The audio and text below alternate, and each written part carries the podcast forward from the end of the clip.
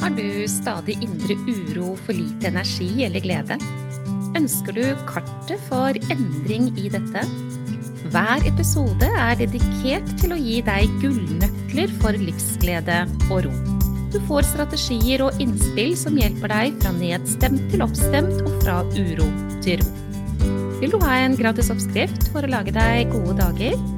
Gå til www.gayabalanse.no for din herlige morgenrutine.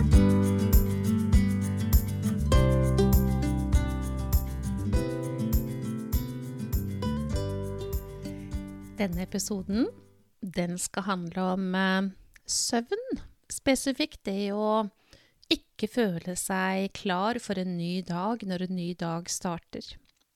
Du, hvis du føler deg trøtt på dagtid, eller du føler deg ikke klar for en ny dag når en ny dag starter, så er ikke du alene om det. Vi vet at per nå, i dag, så er det ca. 700 000 nordmenn som har det på denne måten. Bli med meg gjennom denne episoden, kjære deg. Jeg skal snakke om uh, søvn. Jeg skal snakke om hva det er du trenger å få gjort. Hvordan dette skal komme på en annen uh, Altså det skal bli annerledes for deg. Hvorfor det er sånn, og i det hele tatt uh, hva det er du kan gjøre med det. Hvordan er det å være et menneske når man har trøbbel med søvn? Det vet alle som har den erfaringen. Enten det er fordi at vi har sovet dårlig en periode fordi det har skjedd noe spesielt i livet vårt. Det kan det jo være, og det er helt naturlig at det går utover søvn. Det kan også være at uh, du har erfaring fra å jobbe turnus. At du går fra dag til kveld, fra kveld til natt, og fra natt til kveld, og fra kveld til dag, og fra Ja. Um, det derre skiftarbeidet der, det derre tredelsskiftet som typisk helsepersonell går i, og veldig mange andre også, det har for de aller fleste også innvirkning i forhold til søvn. Men det som er helt sikkert, det er at hvis vi har dårlig søvn over tid, så vil det gjøre noe med oss. Det vil gjøre noe med i forhold til overskuddet vårt, selvfølgelig. Det vil gjøre noe med i forhold til tålmodighet, det vil gjøre noe med i forhold til hvordan vi reagerer i situasjoner. Det vil i det hele tatt gjøre noe med oss i forhold til hvordan vi opplever at vi har det gjennom dagene våre. Men det er én ting. Det er i forhold til hvordan vi erfarer hvordan vi har det. Men en annen ting er jo hva det gjør med oss også innvendig, helt ned i cellenivå, og det er heller ikke småtterier. Jeg har uh, hatt litt morsomt av å følge litt med i uh, nyhetsbildet innimellom. fordi når det er litt sånn agurknytt uh, fra tid til annen, så kommer dette med søvn veldig ofte opp. Og det siste jeg fikk med meg, som da måtte jeg smile godt, altså, at årsaken, hovedårsaken til at 700 000 nordmenn hadde det på denne måten, kunne være at det var midd-problematikk. Og da går det veldig godt inn i galeien i forhold til hvordan vi mennesker elsker å finne løsninger eller forklaringer på utfordringene våre utenfor oss selv. Kjære vene, mennesket har til enhver tid bodd i samme madrass. eller på samme madrass som midden har gjort.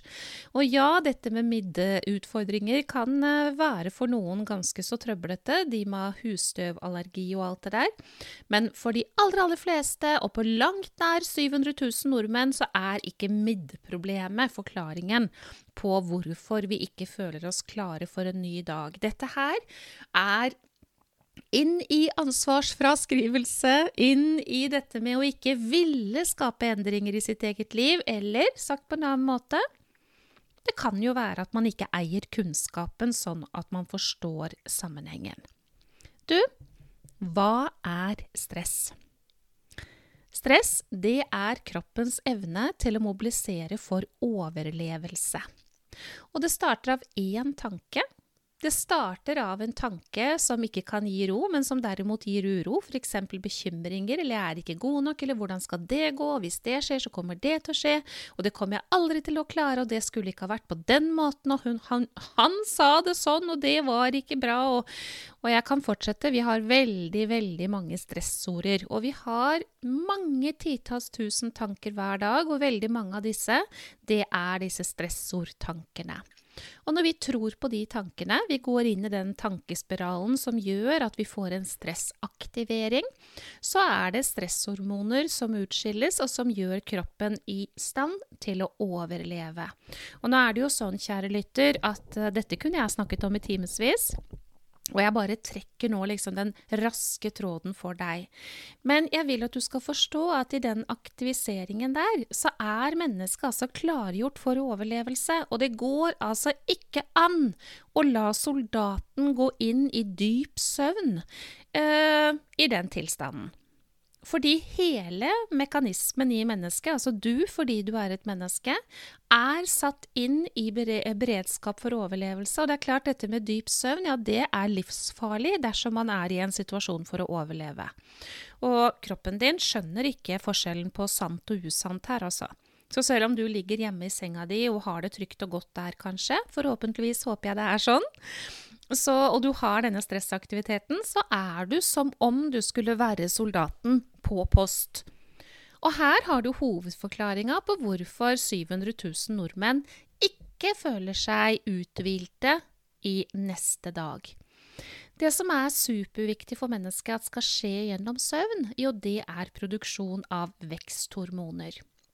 Veksthormonene gjør at vi blir restituerte og føler oss klare for en ny dag. Og det, Produksjonen av disse veksthormonene de er på topp når vi har disse ulike søvnlagene gjennom søvnen vår. Det er jo hjernebølger og mye greier som driver og styrer dette. Men når det ikke skjer fordi vi har denne stressberedskapen, da skjer det ikke i nevneverdig grad i det hele tatt, så vil vi altså ikke få den restitusjonen. Vi vil ikke føle at vi er klare for ny dag. Vi vil ikke føle at vi har nok energi. Vi er trøtte, vi er uopplagte, og i det hele tatt så kan det hende vi har masse uro også. Så når da dette Ja, det, det, var sikkert noen som skulle selge et uh, middemiddel på noe vis. Det um, fikk jeg ikke med meg, men jeg begynte å le høyt når jeg leste den overskriften om at dette kunne skyldes at årsaken lå i middproblematikk. Og her bekrefter mennesket igjen at mennesket leter etter forklaringer utenfor seg selv istedenfor å ta ansvar for hvordan man skal få redusert stressnivået i seg selv. Og jeg kan love deg at det finnes ikke et eller annet middmiddel. Og det hjelper ikke å legge seg på sofaen heller, eller stå rett opp og ned i en krok for den sakens skyld, så lenge det er en stressaktivitet på innsiden. Nei, det vi må gjøre, du og jeg, må være villige til å gjøre, det er å ta ansvar for at dette handler om langvarig negativt stress. Ja vel, da vet vi det. Og så må vi begynne å komme det stresset til livs, slik at kroppen kan få den restitusjonen som den er mulighet for å få, og har mulighet for å få. Under søvn, dvs. Si vi må hjelpe til med å skru av for stresset, så restitusjonen kan skje. Og ja, det er stressmestring.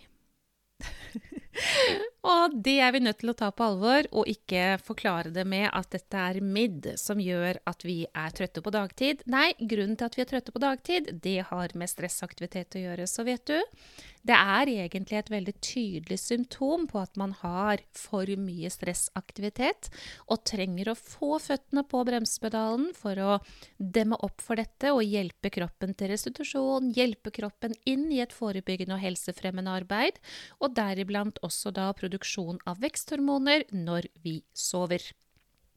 Og du, hvis ikke du har tatt imot min gratis gave til deg, din herlige morgenrutine, som er en del av puslespillet når det gjelder stressmestring, så håper jeg du tar den imot. Og du får den på www.gayabalanse.no.